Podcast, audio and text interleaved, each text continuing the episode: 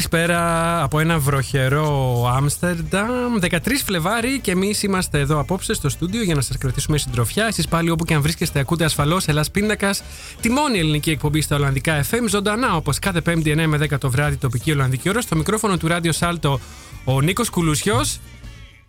Ο Μιχάλης Κλειάνης. Και η Εύη Κιόρη.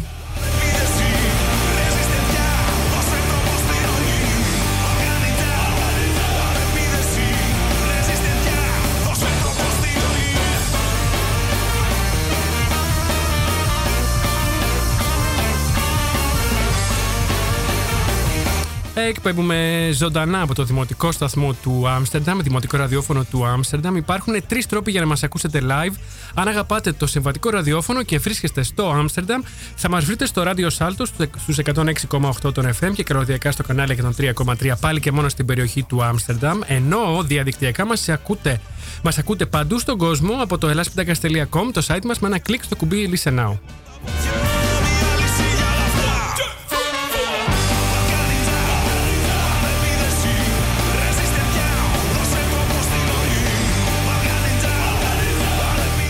Απόψε το Hellas Pindakaas παρουσιάζει το πρώτο ever pre-Valentine's Radio Jam. Θα, α, και θα ακούσουμε και ένα πρώτο teaser από τη φρεσκότατη συνέντευξη που μόλις μας παραχώρησε η Νατάσα Μποφίλιου στην εκπομπή παραμονή της γιορτής του Αγίου Βαλεντίνου και απόψε θα ξετυλίξουμε το θέμα αυτό παρέα με την Εύη και τον Μάικ εδώ στο στούντιο και μια μυστική καλεσμένη επίσης. Θα μιλήσουμε για την ιστορία, τη γεωγραφία, τα ωραία και τα ευτράπελα αυτού του διάσημου πλέον απανταχού της γης Αγίου, τι συμβολίζει, τι μας κοστίζει και πόσο διαρκούν οι ευχές περί έρωτος μέσα στη χρονιά. Μείνετε συντονισμένοι.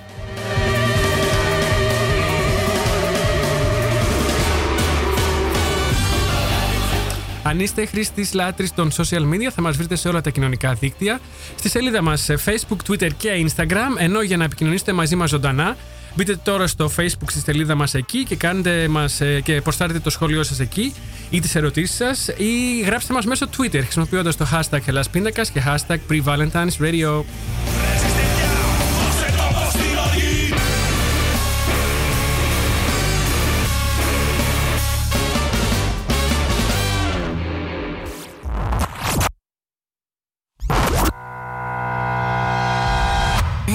Μικρό το όνομά σου.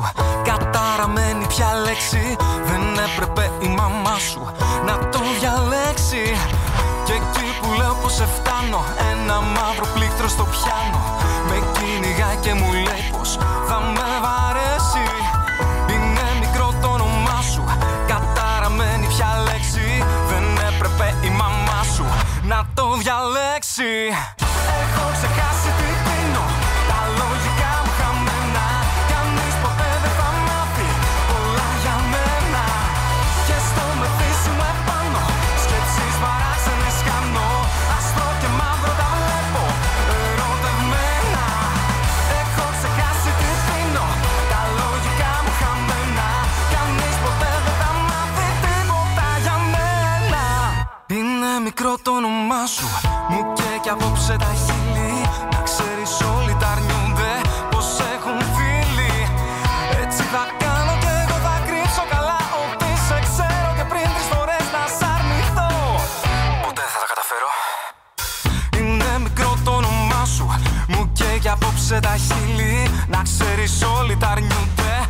έχουν φίλοι Έχω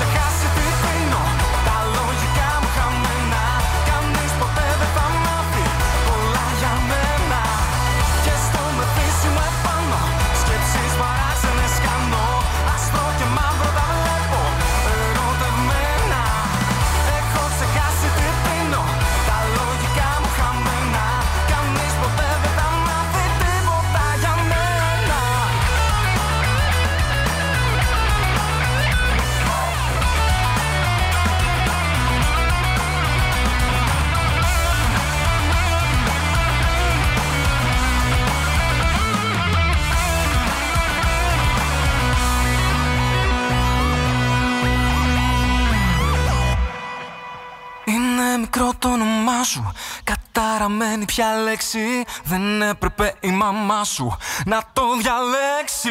Έχω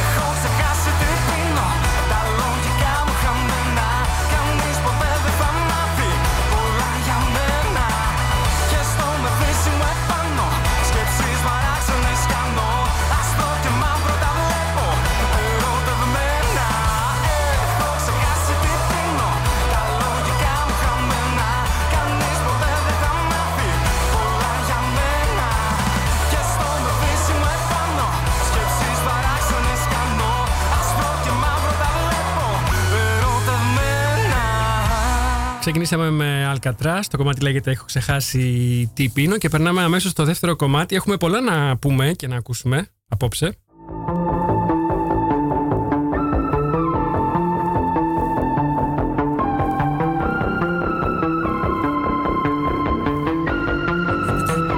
Μάικ, τι ακούμε; Ε, ακούμε Μαρίνα, πρώην Marina and the Diamonds. Ε, γιατί όπως είπαμε, ας κάψουμε τον ε, καλλιτέχνη. Όχι. Ακούμε Dua Lipa. Συγγνώμη, στο άκουσα μικρόφωνο. άλλη... Στο Συγγνώμη, μικρόφωνο. άκουσα Ναι. άλλη εισαγωγή. Ναι. Ε, ακούμε το καινούριο της Dua Lipa, το οποίο είναι τριών ημερών. Μόλις βγήκε, Let's Get Physical. Αχά, κάτι μου θυμίζει ο τίτλος. Ναι. Don't you agree? Who needs to go to sleep when I got you next to me?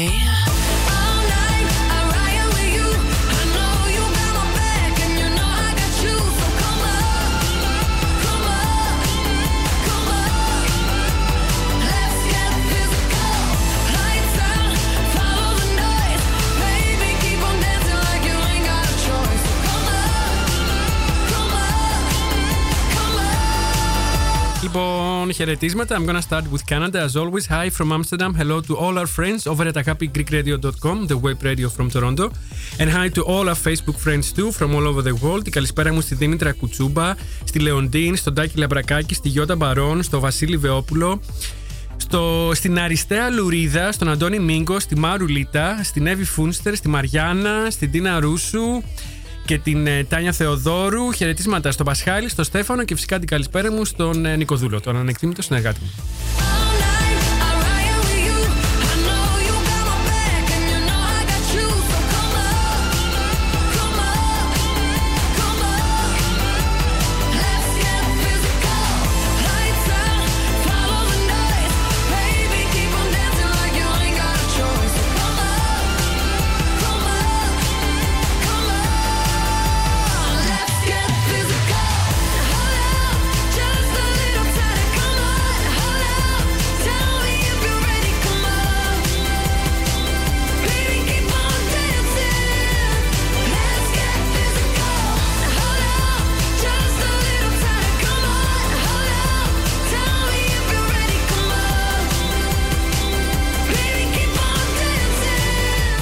Παγκόσμια μέρα ραδιοφώνου σήμερα και δεν μπορώ να μην σας πω για το συμμαχικό διαδικτυακό ραδιόφωνο από το Καναδά, το Αγάπη Creek Radio, που αναμεταδίδει το Ελλάς Πίντακας μέσω διαδικτύου σε όλο τον πλανήτη. Για όσους είστε στην Ολλανδία ή σε κάποια χώρα με την ίδια ώρα με την Ολλανδία, μας ακούτε και από το αγάπη creekradio.com σε ηχογραφημένη αναμετάδοση κάθε μέρα στη μία το μεσημέρι.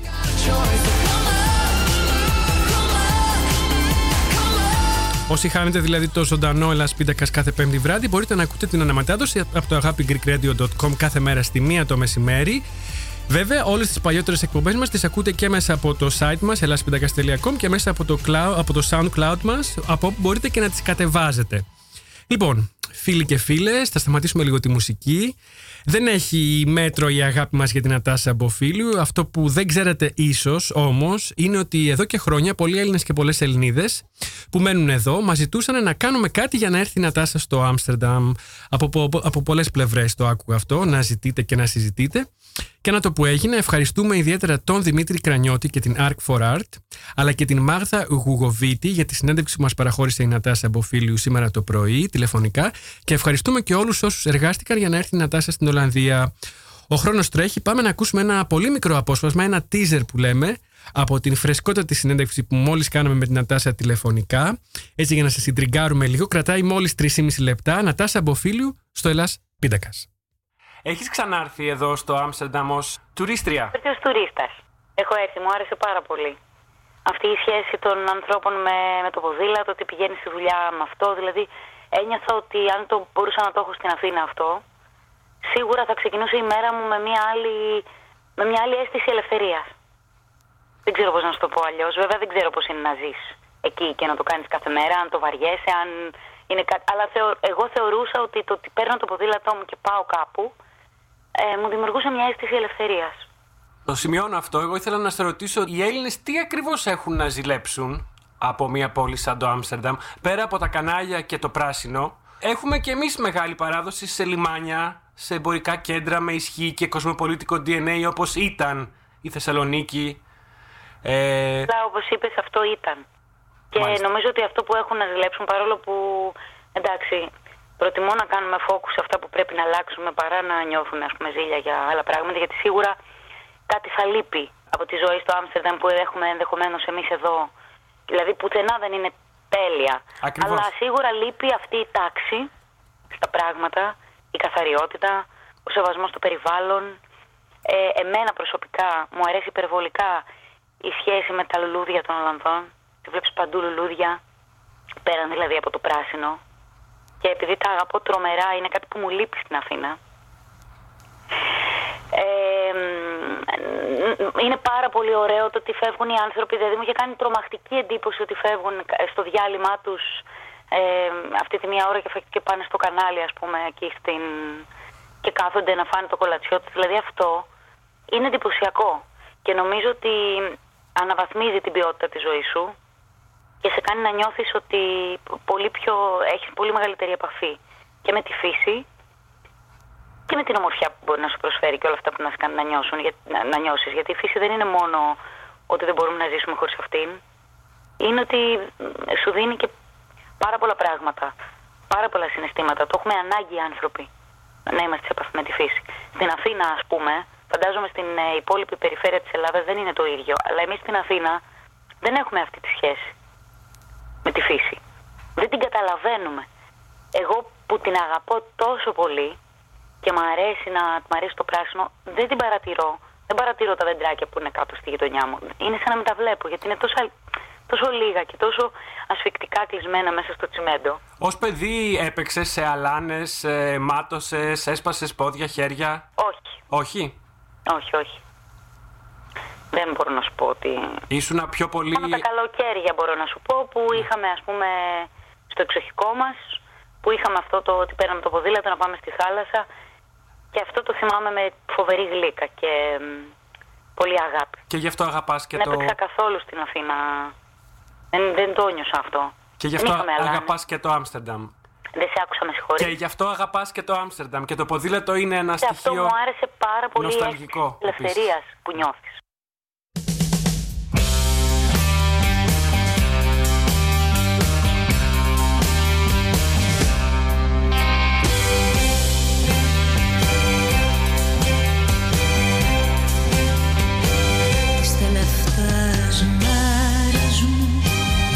Τις ρίξω στη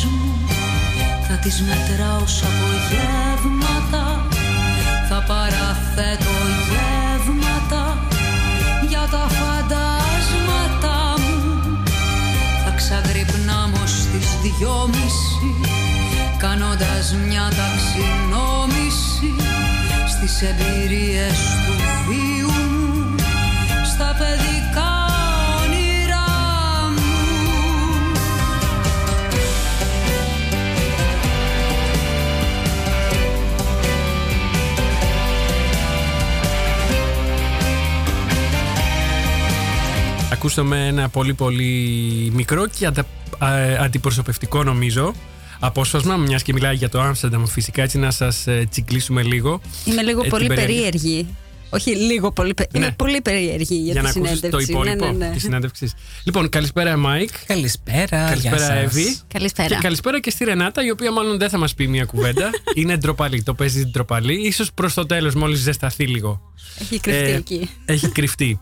Λοιπόν, ακούμε την Ατάσα Μποφίλου τώρα ως χαλή. Το κομμάτι λέγεται Οι τελευταίες μέρες είναι από ζωντανή ηχογράφηση. Και περιμένουμε να την δούμε και να την ακούσουμε ζωντανά εδώ στο Άμστερνταμ στις 9 του Μάρτη, στο Μέλκβεχ.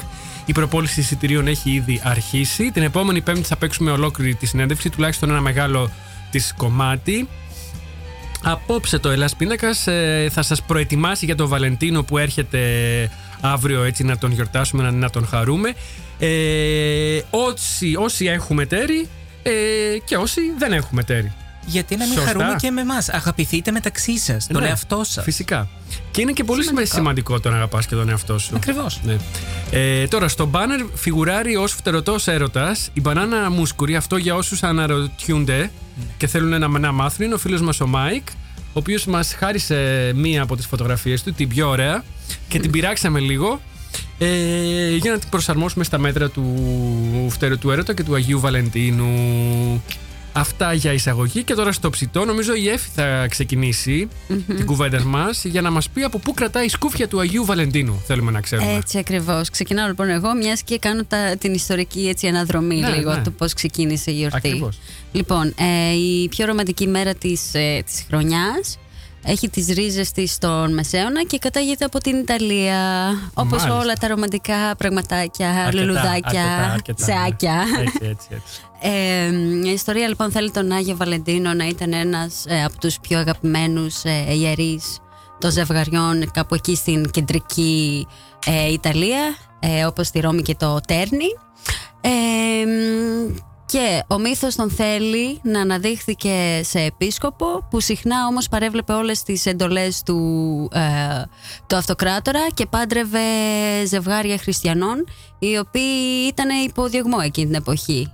Ήταν, πώς να το πούμε, ε, λίγο Ήταν αλήτης. επαναστάτης, Ο ιερέας. ήταν Ναι, ναι, ναι, ναι, επαναστάτης. ναι. Μμμ. Επομένως, ε, μ, κάποιοι άλλοι λένε ότι ο Άγιος Βαλεντίνος δεν ήταν ένα άτομο μόνο, αλλά πρόκειται για δύο διαφορετικά ε, πρόσωπα. Ε, ένας άλλος μύθος λέει ότι Το ίδιο λένε και για τον Άγιο Νικόλαο ή Σάντα Κλάους ή Α, Σίντερκλάς ή Υπάρχουν Άγιο διαφορετικές Βασίλη. εκδοχές ανά τον κόσμο. Ναι.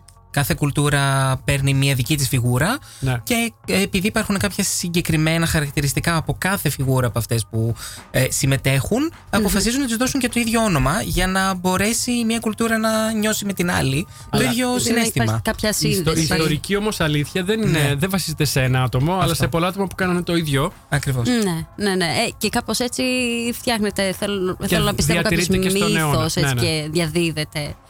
Ε, κατά άλλους, λοιπόν η 14η Φεβρουαρίου είναι η μέρα που πέθανε ο Άγιος Βαλεντίνος ε, ο οποίος ε, καταδικάστηκε σε λιθοβολισμό Α, μάλιστα. αλλά επειδή επιβίωσε τον δι- λιθοβολισμό αποφάσισαν να τον αποκεφαλίσουν ε, τελικά ε, στη Βία Φλαμίνια βόρεια της Ρώμης Τώρα δηλαδή μας λες γιατί ακριβώς τη 14η Φλεβάρη ναι, και γιατί όχι είναι μια άλλη μέρα. σημαντική, ναι, γιατί είναι σημαντική η συγκεκριμένη μέρα. Τι, Λοιπόν, μία θεωρία λέει ότι τον, ε, τον, τον αποκεφάλισαν, τον ναι, σκότωσαν. τον λιθοβολήσαν. Τον λιθοβόλησαν. λιθοβολήθηκε Πρώτα τον αλλά λιθοβόλησαν και επειδή το, αυτό επιβίωσε, ότι τελικά τον αποκεφαλίσανε. Μάλιστα.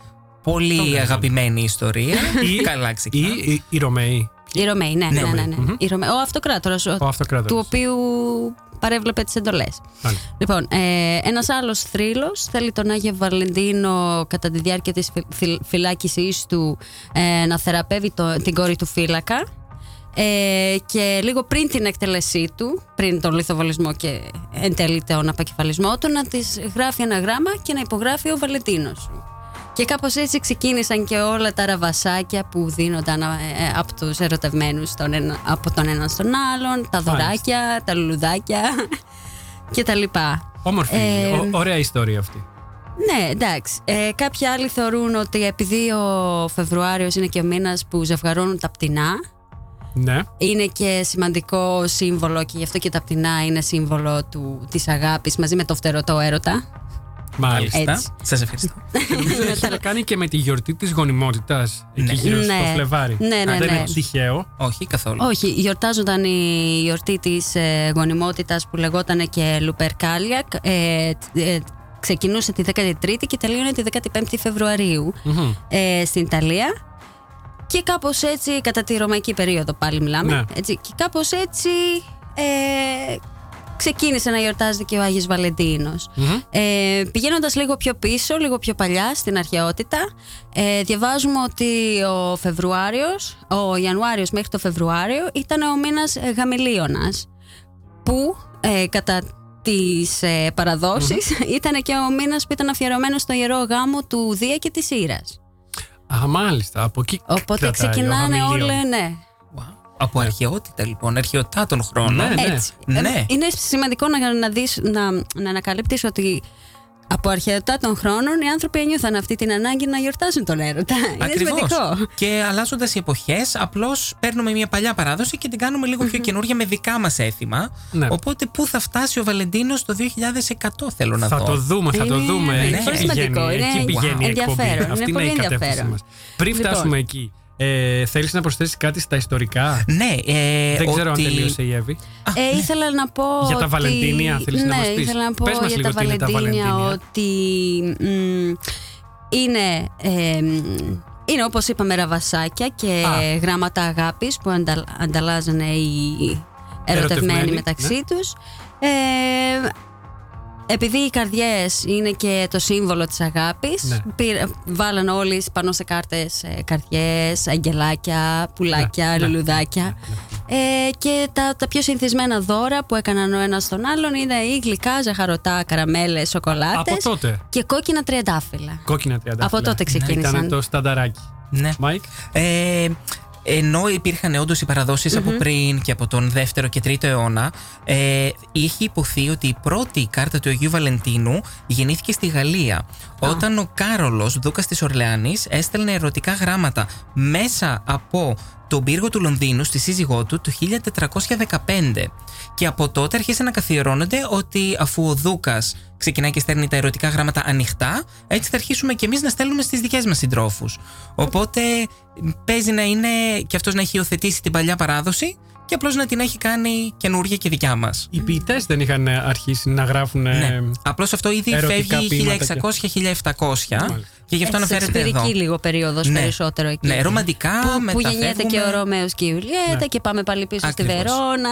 Ρομαντισμός, μπαρόκ. Ο, Ναι, ναι, ναι. Ηρ- ο ειρηνοποιός, τι, έ- τι έχει δώσει Α. στο Βαλεντίνο αυτό το, το Λοιπόν. προσωνύμιο. Ε, Λοιπόν, άλλη μια θεωρία θέλει τον Άγιο Βαλεντίνο να είναι τώρα ένας ιερέο- ιερέας που φροντίζει τα τριαντάφυλλά του στην αυλή του.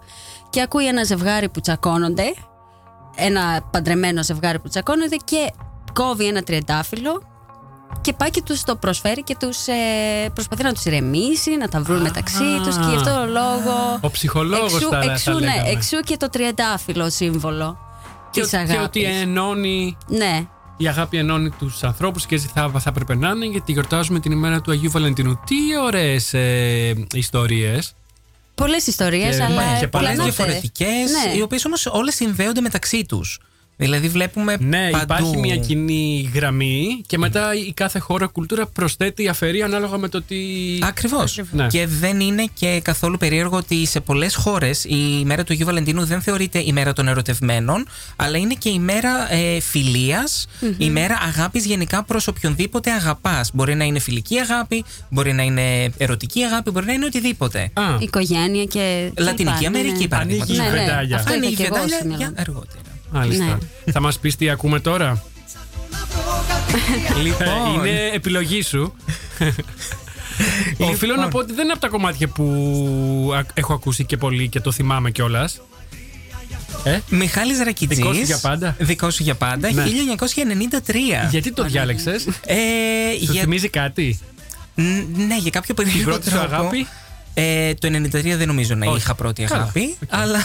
Από μικρά ε, έχουμε αγάπες, ξέρεις. Έχουμε τις, ε, ναι, ναι, ναι. Και τις έχω, τις αγάπες μου. Στο δημοτικό ξεκινάνε αυτά. Ποιο θα παντρευτείς και ναι, τέτοια. με, με ναι. τέτοια παιχνίδια. Ωραία, ωραία. Έτσι Πολύ μας λίγα. βάζουν στο Λούκι Εύη, σιγά σιγά. Πολύ Σιγά- λίγα ε, ήξερε η από νωρίς. μικρή Αθηνούλα που ήταν ερωτευμένη μαζί μου. Λυπάμαι, οχ. Αθηνά, Α, αν μας μικρή ακούς. Αθηνούλα. Κρίμα, σε μια άλλη ζωή. Σε άλλη Σε στιγμή. μια άλλη ζωή στιγμή.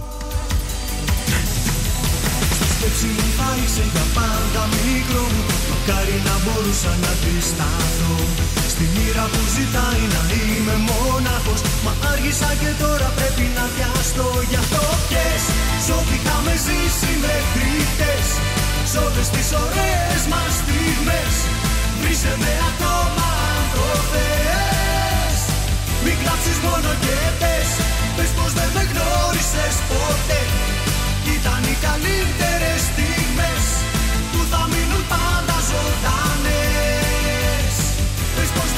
δεν μ' είχες ποτέ Ω, ω, ω. Πες πως δεν με είχες ποτέ Ω, ω, ω. Ποιες σ' ό,τι είχαμε ζήσει μέχρι χτες Σ' όλες τις ωραίες μας στιγμές Βρήσε με ακόμα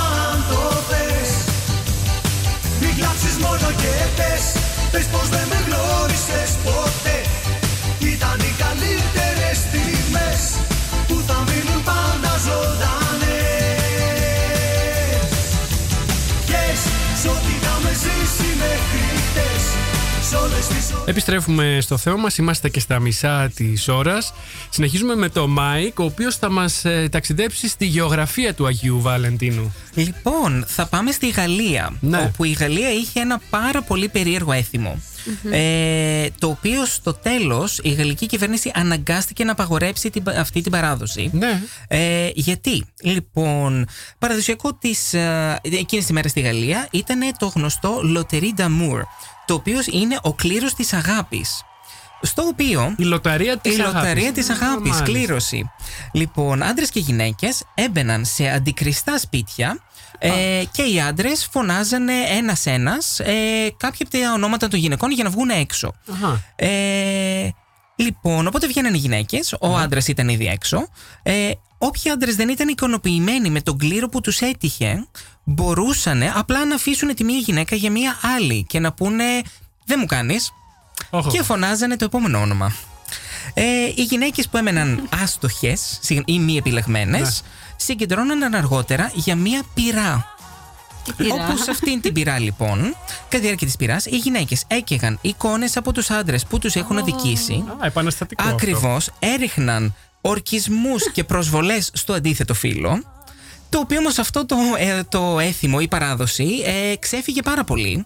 Ε, με αποτέλεσμα να έχουν πυρκαγιές πολύ μεγάλες. ε, γιατί οι γυναίκες της Γαλλίας ήταν την περίοδο στην αριστον, ε, στην ανθή του φεμινισμού Ναι, ναι, ναι. Ε, και τελικά αποφασίσαν να έχουν πυρές χωρίς καν να, έχουν, να τις έχει αρνηθεί κάποιος κάτι. Από μόνες τους. Από μόνες τους, το Έτσι, οποίο είναι γιατί πολύ σωστό. Το ήθελαν. Αλλά παραέγινε το κακό με αποτέλεσμα να μην γίνεται πλέον. Δεν είναι τυχαίο ότι ο φεμινισμός βρήκε ρίζες στη Γαλλία. Δεν Ναι. είναι τυχαίο. Καθόλου. Επίσης είναι ωραίο να βλέπεις ότι αυτό ήταν η αρχή του Ναι, του χειραφέτηση. φεμινισμού. Ναι, Δηλαδή ναι. του αγαπώ τον εαυτό μου. Ακριβώς. Χειραφέτηση. Και ποιος είσαι εσύ που θα μου πεις ότι δεν Ναι, με θέλεις; ακριβώς. Ναι, ναι. Θα Και, σε ρίχνε, και κάψω. ρίχνανε και στην πυρά. Ναι, αποφασιστικές πυρά. κινήσεις, όχι ημίμετρα. Κατευθείαν, Ακριβώς. δόντα. Εδώ.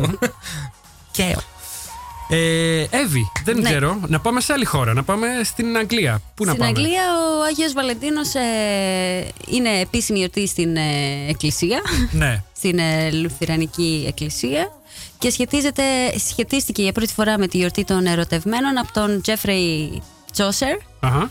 ε, στον ύστερο Μεσαίωνα. Ιερέας. Ιερέας, ναι. Ε, ήταν και όλα εκείνη η εποχή που άκμαζε η κουλτούρα του υποτισμού, του πολύ Α, μάλιστα. Οπότε και αυτό ε, βοήθησε σημαντικού λίγο. άντρα που θα Ναι. προστατεύσει την ε, άμυρη αυτή ψυχή, Ναι, ναι. τη γυναικεία. Οπότε κάπως έτσι. Το love story. Το love ναι, ναι. story. είναι και η ναι. ιστορία που έχει υιοθετήσει λίγο και η Disney ότι περιμένει η πριγκίπισσα να την σώσει κάποιος Έτσι. συγκεκριμένος. Ναι, ναι, ο Ε, πρίγκιπας του παραμυθιού. Ξεκινάμε από το Σέξπιρ ναι, ήδη. που- ακριβώς. ναι, οπότε. Αυτό είναι. Αυτό συνέφερε η Αγγλία, η αγγλική παράδοση. Ε, μένουμε στην Αγγλία, γενικά λίγο Ηνωμένο Βασίλειο βασικά, Ναι. και πάμε στην Ουαλία. Όπου στην Ουαλία δεν, γνω- δεν γιορτάζουν τον Βαλεντίνο, αλλά τον Άγιο Ντουίν Βεν, ε, ο οποίος είναι 25 Γενάρη. Ε, χαρακτηριστικό Σχετικά του, κοντά. του Σχετικά. Invent, ακριβώς γιατί είναι πάλι στην ίδια, ε, τις ίδιες ημερομηνίες Γενάρης Φλεβάρης, Ναι, ναι, ναι. όπου είναι οι πρώτοι, οι γαμήλοι μήνες. Ναι. Ναι. Ε, με χαρακτηριστικό όμως δώρο το δικό τους το κουτάλι ή την κουτάλα. Όπου Τι οι άνδρες. συμβολίζει; Αυτό ακριβώς. ε, οι κουτάλες λοιπόν είναι όλες φτιαγμένες από ξύλο, οι οποίες έχουν χαραχθεί με συγκεκριμένα σύμβολα. Ναι. Ε, τα μοτίβα και τα σύμβολα αυτά ήταν σε διάφορα ε, θέματα, όπως αγάπης, ε, αλλά όπως και φιλίας, όπως είπαμε πιο πριν. Ε, ήταν θέμα τύχης. Όπως κάποιες κουτάλες είχαν τα πέταλα των αλόγων. Το οποίο είναι γνωστό πλέον ότι είναι θέμα τύχης. Ναι. Ε, και δι- συμβολίζουν υποστήριξη. Οπότε μπορείς να δωρήσει όσες κουτάλες θέλεις. Η κουτάλα Η λοιπόν. κουτάλα. Ω δώρο, έτσι. Ω δώρο. Μμ. Αλλά πρέπει να είναι φτιαγμένη από εσένα. Αυτή είναι η μεγάλη Με διαφορά. τα χεράκια σου. Με τα χεράκια σου, ότι έχεις χαράξεις δύσκολο. και carving. Δύσκολο. Για κουταλάκι του γλυκού ίσως. Για κουτάλα δύσκολο. Ε, Εύη. Ναι. Ή μάλλον δεν, δεν ξέρω. Όποιος θέλει. Εγώ ιστορικά δεν Μιλάμε έχω για τη κάποια- γεωγραφία. Για τη Αν γεωγραφία, έχει για κάποια μάλιστα. χώρα. Εσύ μας είπες και κάτι για Ιράν. πήρες Ναι, τα αυτή έχω μου. και διαβάσει και κάτι πάρα πολύ ενδιαφέρον για το Ιράν. Πολύ περίεργος. Για πες Ε, μας. αυτό ακριβώς είναι ότι στο πρώτο μέρος του 21ου αιώνα ε, ξεκίνησε να ανθίζει και στο Ιράν η γιορτή του Αγίου Βαλεντίνου Ναι. ε, αλλά είχε επικριθεί σκληρά από Ισλαμιτικούς καθηγητές Ισλαμίτες καθηγητές, συγγνώμη Ε, που βλέπουν τους εορτασμούς σε αντίθεση με τον Ισλαμιτικό Ισλαμικό συγγνώμη, πολιτισμό Ναι. ε, το οποίο γενικά υπάρχει αυτή η διαφορά Ανατολής και Δύσης ε, Απλώς όμως είναι ότι το Ιράν έχει ήδη τη δική του γιορτή. Γιατί θα πρέπει να παρατήσουν τη δική τους γιορτή για να υιοθετήσουν μια άλλη; Όχι, όχι. Δεν θα πρέπει να παρατήσουν. Αυτό Καμία ακριβώς. δική τους. Ε, Απλώς πήγανε λίγο παραπέρα και το 11 η Ένωση Ιδιοκτητών Εκτυπωτικών Εταιριών εξέδωσε ε, οδηγία που απαγορεύει την εκτύπωση και τη διανομή οποιονδήποτε αγαθών που προωθούν τη γιορτή. Συμπεριλαμβανομένων- Συμπεριλαμβανομένων καρτών, δώρων και αρκουδακίων. δηλαδή, ban the bear, γιατί; Ναι, ναι, ναι. ναι. Ένα αρκουδάκι. Απλώς εκείνη τη συγκεκριμένη ημέρα δεν επιτρεπόταν. Ε, Απλώς επειδή και αυτό έχουν εξελιχθεί ο κόσμος, πλέον έχει σταματήσει. Ε, με μεγάλη διαφορά τα τελευταία δύο χρόνια έχει ανθίσει και εκεί πάρα πολύ. Ε, αφού είδαν ότι δεν μπορούν να το σταματήσουν και βγαίνανε αρκουδάκια στη μαύρη αγορά. Κοίτα να δεις το αρκουδάκι έρωτας, σύμβολο, αυτός ο ναι, έρωτας. αντίστασης. ναι, Ε; Η αγάπη- Αγάπης, αλλά και αντίστασης. ναι. Ενώ στις Φιλιππίνες, να, παρα- να προσθέσω εγώ κάτι, κάτι Ναι. έτσι, λίγο έτσι μικρό. Στις Φιλιππίνες είναι η πιο συνηθισμένη ημερομηνία για επαιτίους ε, γάμων και πολύ συνηθισμένη. Παντρεύονται πάνω στη δεκάτη- Δεκάτη Ναι, ναι, τετάρτη, μάλιστα. ναι. Και γίνονται εκατοντάδες και μαζικοί γάμοι. Ξέρεις, μαζεύονται και Ε, κάνουν μια τελετή. είχαν το παγκόσμιο ρεκόρ του πιο μεγάλου γάμου στις Φιλιππίνες μέχρι πριν από δύο χρόνια το οποίο ήταν πάνω από 2.000 ζευγάρια παντρεμένα την ίδια ημέρα 14 Φεβρουαρίου. Οπότε καταλαβαίνουμε τι γίνεται. Ναι, ναι, ναι. Ναι. Μεγάλη αγάπη.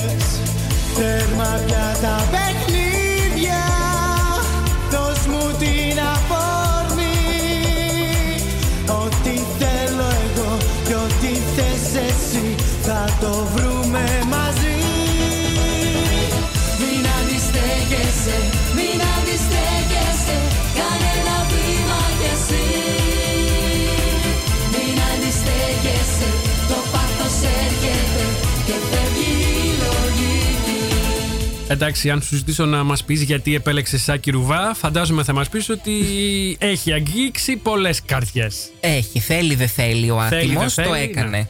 Ναι, ναι. Ειδικά στα παλιά του τα χρόνια. Εύη, Παλιά. Ε, Στα νέα του Ρενάτα; τα χρόνια όχι τόσο. λίγο, Ρενάτα, λίγο. Ούτε; Όχι. Μπράβο, ρε Ρενάτα.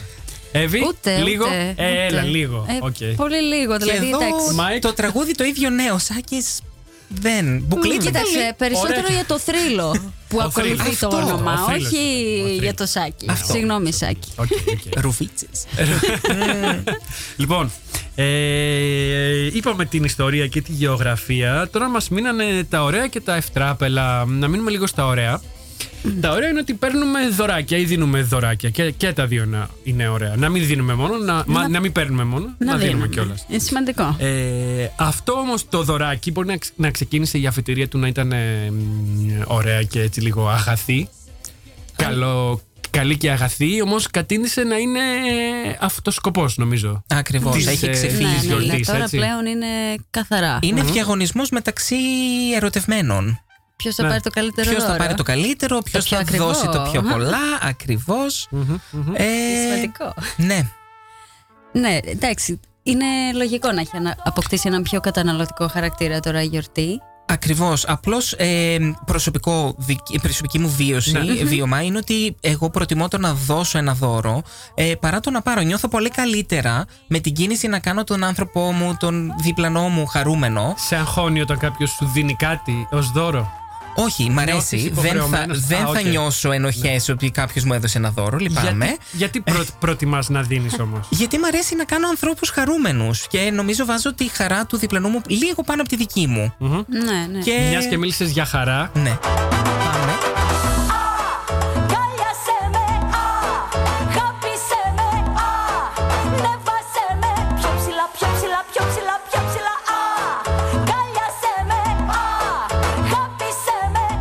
Έχουμε πάρα πολύ χρόνο, δεν θα τα ακούσουμε όλο. αλλά μιλούσες για χαρά και νομίζω είναι από τα απόλυτα χαρούμενα τραγούδια και ερωτικά. Ακριβώς. Ε, Επίσης έρχεται από την ίδια χρονιά που μας ήρθε και ώρα Κιτζή πριν από λίγο. 93. Α, κάτι είχε η χρονιά αυτή για σένα μουσικά. Κάτι, κάτι είχε. Στα πέντε μου δεν ξέρω τι μου έτυχε και άκουγα πολύ μουσική, αλλά Πόσο μου μικρός έμεινε. είσαι, βρε. Πω, πω, πω. Συγγνώμη. Πω, πω, είσαι και millennial εσύ. Λοιπόν, ε, που είχαμε μείνει. Είχαμε μείνει στα κόστη και στα δώρα. Ναι, στα δώρα λοιπόν. Και στον κα- μιλήσαμε για τον καταναλωτισμό. εμπορικό χαρακτήρα της γιορτής και τον καταναλωτισμό που την κατατρέχει.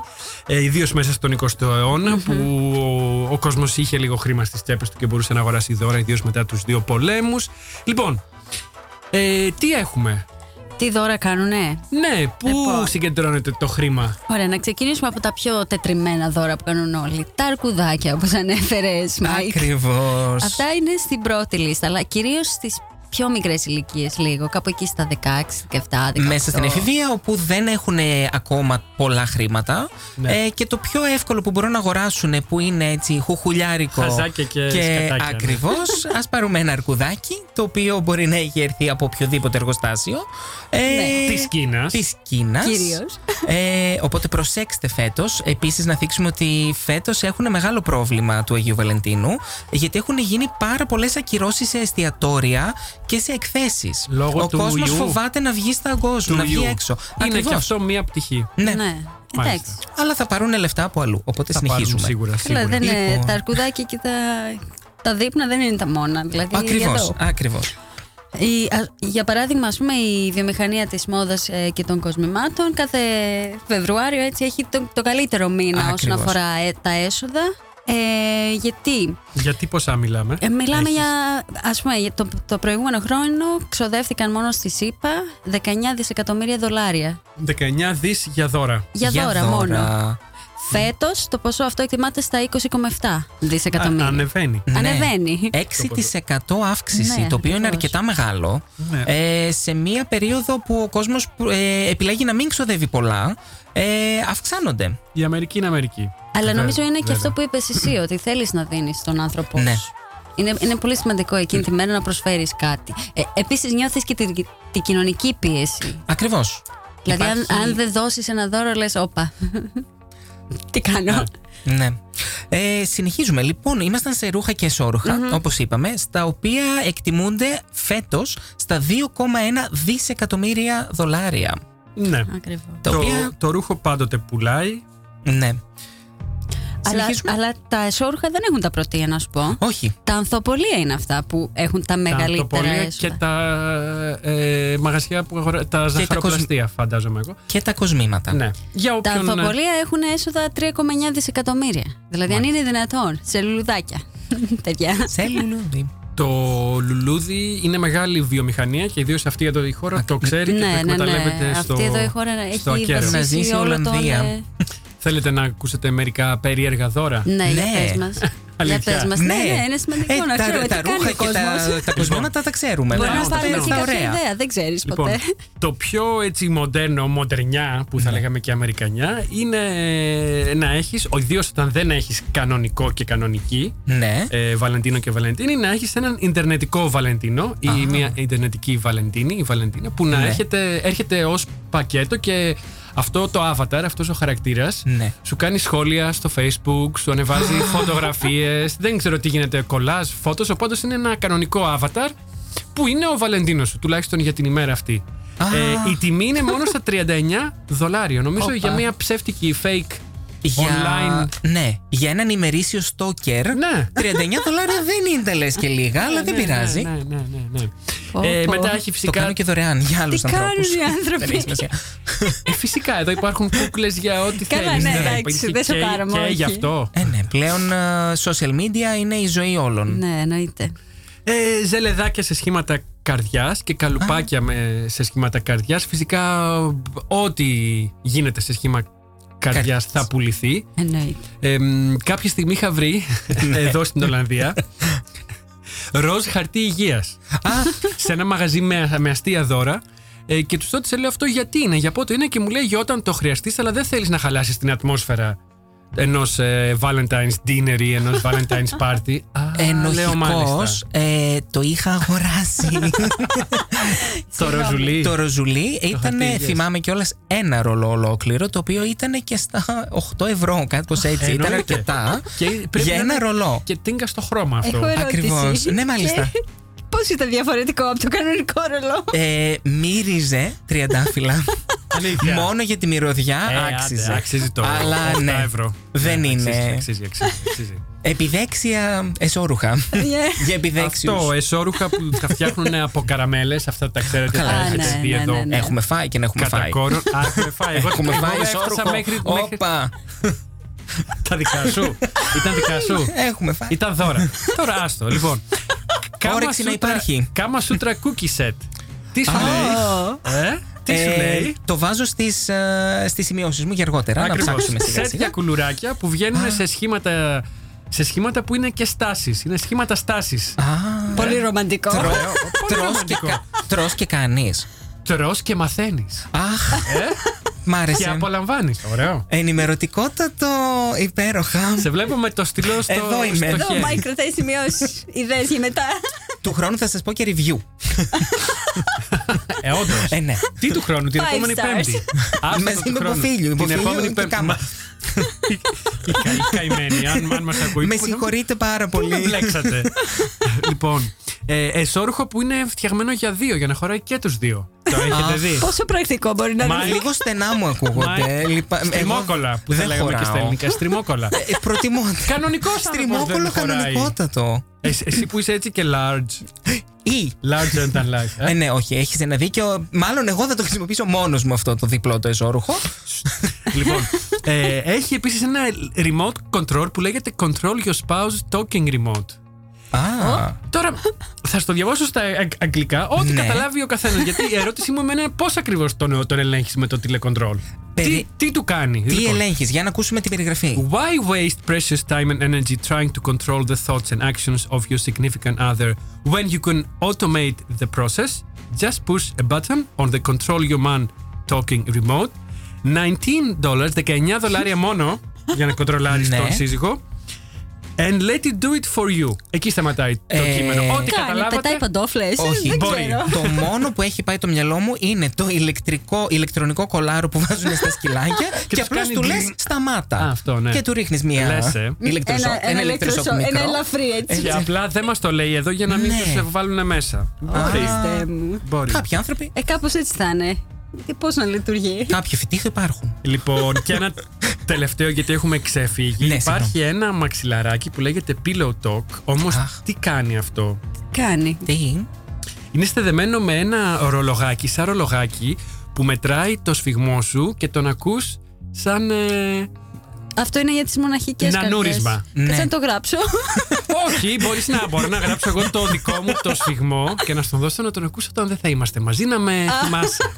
Ναι, αλλά Κατάλαβες. κοίτα, κανονικά σε σύντροφο δίπλα όταν το χαϊδέψεις θα ανέβει ο παλμός. το μαξιλάρι δεν ανεβαίνει. Το μαξιλάρι θα μείνει εκεί. το μαξιλάρι Μαξιλάρι μπορείς να το κάνεις σε, σε άλλα να το, χρησιμοποιεί, να το σε χρησιμοποιήσεις. χαλαρή νύχτα. Δεν ξέρω τι. λοιπόν, ας ακούσουμε λίγο Μαρίνα. And the Diamonds. Diamonds και το κομμάτι λέγεται; Heartbreaker. Αχα.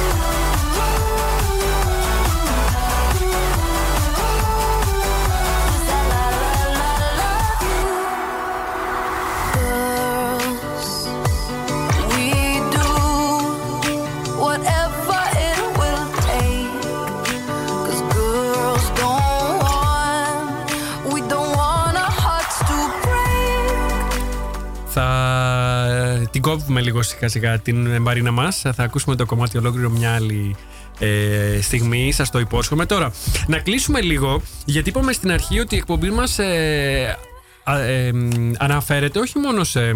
γίνεται όχι μόνο για αυτούς που έχουν Βαλεντίνο ε, και Βαλεντίνη, αλλά και σε αυτούς που δεν έχουν. Και είναι Ακριβώς. αρκετοί αυτοί που είναι singles, που είναι μόνοι τους στη ζωή αυτή, τουλάχιστον αυτή τη στιγμή, είτε από επιλογή είτε από ε, τύχη ή ατυχία, όπως θέλεις πες το. Γιατί γελάς, Εύη; Τι να κάνω. Ε, εννοείς, είσαι, Άμα είσαι δεν- το παράδειγμα. Είμαι το παράδειγμα. Α, ωραία. Άμα δεν το πάρουμε έτσι χαλαρά και Γυναίκα με γέλια, τι καριέρας. κάνουμε; Ακριβώς. Καριέρα, σχέση, δεν Ακριβώς. πάνε μαζί. Ακριβώς, Έλα ακ- τώρα. ακριβώς. Πάνε, πάνε. Θέλεις Έτσι. λοιπόν να μάθεις τι θες θα να μπορούσες να συνδυάσεις. κάνεις; Ναι, για πες μου, Αύριο. Νίκο, γιατί πολύ ενδιαφέρομαι. Έλα. Λοιπόν, και αυτό ισχύει και για όλους όσους είστε μόνοι σας. Ακούμε Διονύσης Σχοινά σαν ε, μ, ε, Χαλί. Είναι το αγαπημένο, ένα από τα αγαπημένα κομμάτια του Μάικ που όμως επέλεξε να μην το βάλει απόψε. Ναι, αλλά. Ίσως γιατί του είπα ε, αυστηρά από τα 20 τα κομμάτια να γίνουν 10, οπότε έκοψες.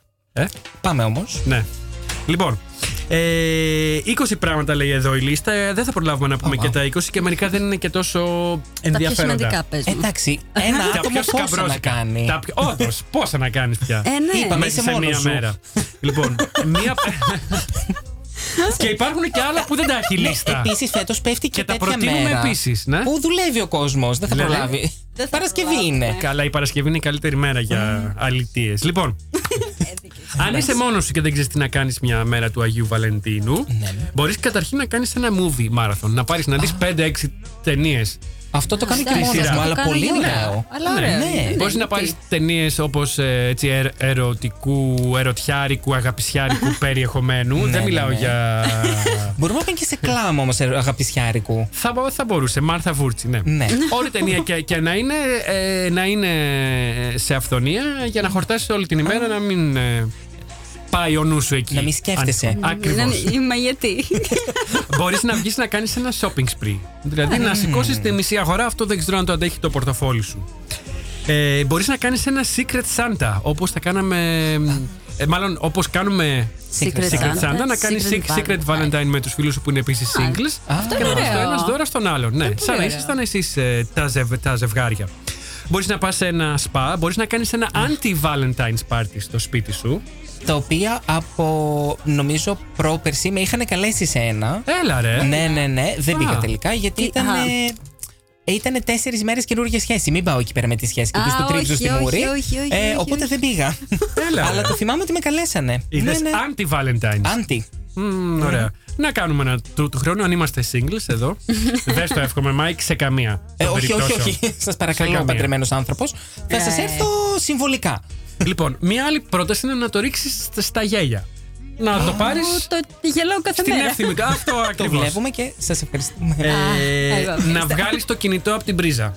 Επίσης, μία πρόταση. Είναι καλές οι προτάσεις αυτές και μάλιστα θα τις έλεγα ως προτάσεις και για κάθε μέρα. Ναι. Ε; Βγάλει το Ε, κινητό ναι. και Βγάλε μην το μπεις κινητό καν από την πρίζα. online. Δεν υπάρχει λόγος Αυτό, να μπαίνεις αυτό, σε ναι, social ούτε media τέτοιες laptop, μέρες. ούτε- Γιατί Τίποτα. επειδή γιορτάζουν οι άλλοι, ας πούμε. Και... Δεν υπάρχει. Σας έχω το καλύτερο, νομίζω, Ναι. so far, μέχρι στιγμής το καλύτερο για μένα. Κάνε κάτι Ναι. που μισούσε ο πρώην σου. Α, Ή η πρώην σου. Βάψε τις Ωραίο. κουρτίνες στο χρώμα που μισούσες. Αχ, παλιά. Έχει και αυτό όμως μια Σκίζεις δόση. φωτογραφίες και τέτοια. Ναι, ναι, ναι. Στην πυρά, στην πυρά που λένε και οι Γαλλίδες φίλες Έτσι μας. να ανάψουμε μια δάδα. Αυτό. Πάρε έναν φίλο σου παραμάσχαλα, μια άλλη συ- συμβουλή και παίξτε το ότι είστε ζευγάρι και βγείτε, κάψτε το, το πελεκούδι, ω αν να ήσασταν ζευγάρι. Ωραίο. Α, ωραίο. Και αυτό. Το έχω κάνει με Γιατί- ξαδέρφη. Έπιασε. Έπιασε. Το οποίο ήταν Δούλεψε. συνδυασμός. Ε, δούλεψε πάρα πολύ ωραία. Πήγαμε πρώτα για shopping spree και μετά πήγαμε και φάγαμε. Και κάνω παίζαμε εγώ παντού με το την αδερφή ζευγάρι. μου εδώ. Ακριβώς. Περάσει Στο πολύ Άμστερνταμ, ό,τι όμορφα, θε- παντού ορίστε. όπου θέλετε. Και το αμέσως καλύτερο από αυτό που Ναι. μόλις είπαμε. Go on a date. Δηλαδή, Α. βγες ένα ραντεβού με κάποιον. Μπορεί να είναι προ- πρόσφατος καινούριος φίλος, μπορεί να είναι Tinder, μπορεί να είναι Minder, ό,τι άλλο μπορεί να είναι. Ακριβώς. Να είναι grinder. Έχουμε και Grindr, ναι, ναι, ναι. που μας ακούνε. Συγγνώμη, ναι, Grindr, φυσικά. Ε, σας άρεσαν οι λύσεις; Ε, Ναι, με. Πολλές και αρκετές η αλήθεια Ναι. να πω. Ναι. Ε, ε, τα πάντα έχει ο Μπαξές. Τα πάντα πάντα έχει έχει. όπαξες. Ακριβώς. Όρεξη να Όμπαξες. έχεις. Ακριβώς. Να, να ζήσεις. Μετά βρίσκεις τι να κάνει. Και ένα άλλο που το προσ- προσπέρασα λίγο, αγόρασε τα πολύ αγαπημένα σου πράγματα, ό,τι σου είναι πολύ Α, αγαπημένο. Ναι. Και απλά απόλαυσε το γεγονός ότι δεν πρέπει να τα μοιραστείς με Με κανένα. κανένα. Ναι, ε, κάνεις ένα δώρο στον εαυτό Στον σου. εαυτό σου. Είναι Και σημαντικό. δες το σαν δώρο. Ναι. Δεν είναι ανάγκη επειδή δεν στο πήρε κάποιος άλλος ότι δεν έχει την ίδια αξία. Ναι. Εσύ σε σένα. Ναι. Αγαπηθείτε. Έτσι, έτσι, Ναι. έτσι, έτσι. Είναι σημαντικό. Sometimes I feel like throwing my hands up in the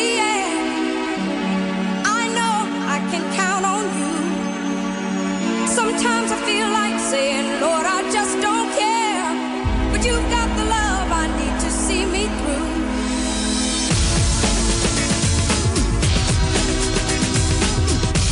Φτάσαμε στο τέλος. Ευχαριστώ ιδιαίτερα την Εύη και τον Μάικ που πέρασαν την παραμονή του Αγίου Βαλεντίνου εδώ στο στούντιο μαζί μου. Ευχαριστούμε και τη Ρενάτα που δεν μας μίλησε μια άλλη φορά ίσως. Ε, ακούσαμε και ένα πρώτο teaser από τη φρεσκότατη συνέντευξη που μόλις μας παραχώρησε η Νατάσα Μποφίλιου στην εκπομπή. Η Νατάσα θα είναι ζωντανά εδώ στο Άμστερνταμ στις 9 του Μάρτη στο Melkweg. Η προπώληση έχει αρχίσει ήδη και η συνέντευξη μοντάρεται. Θα την ακούσουμε την επόμενη Πέμπτη. Δωράκι.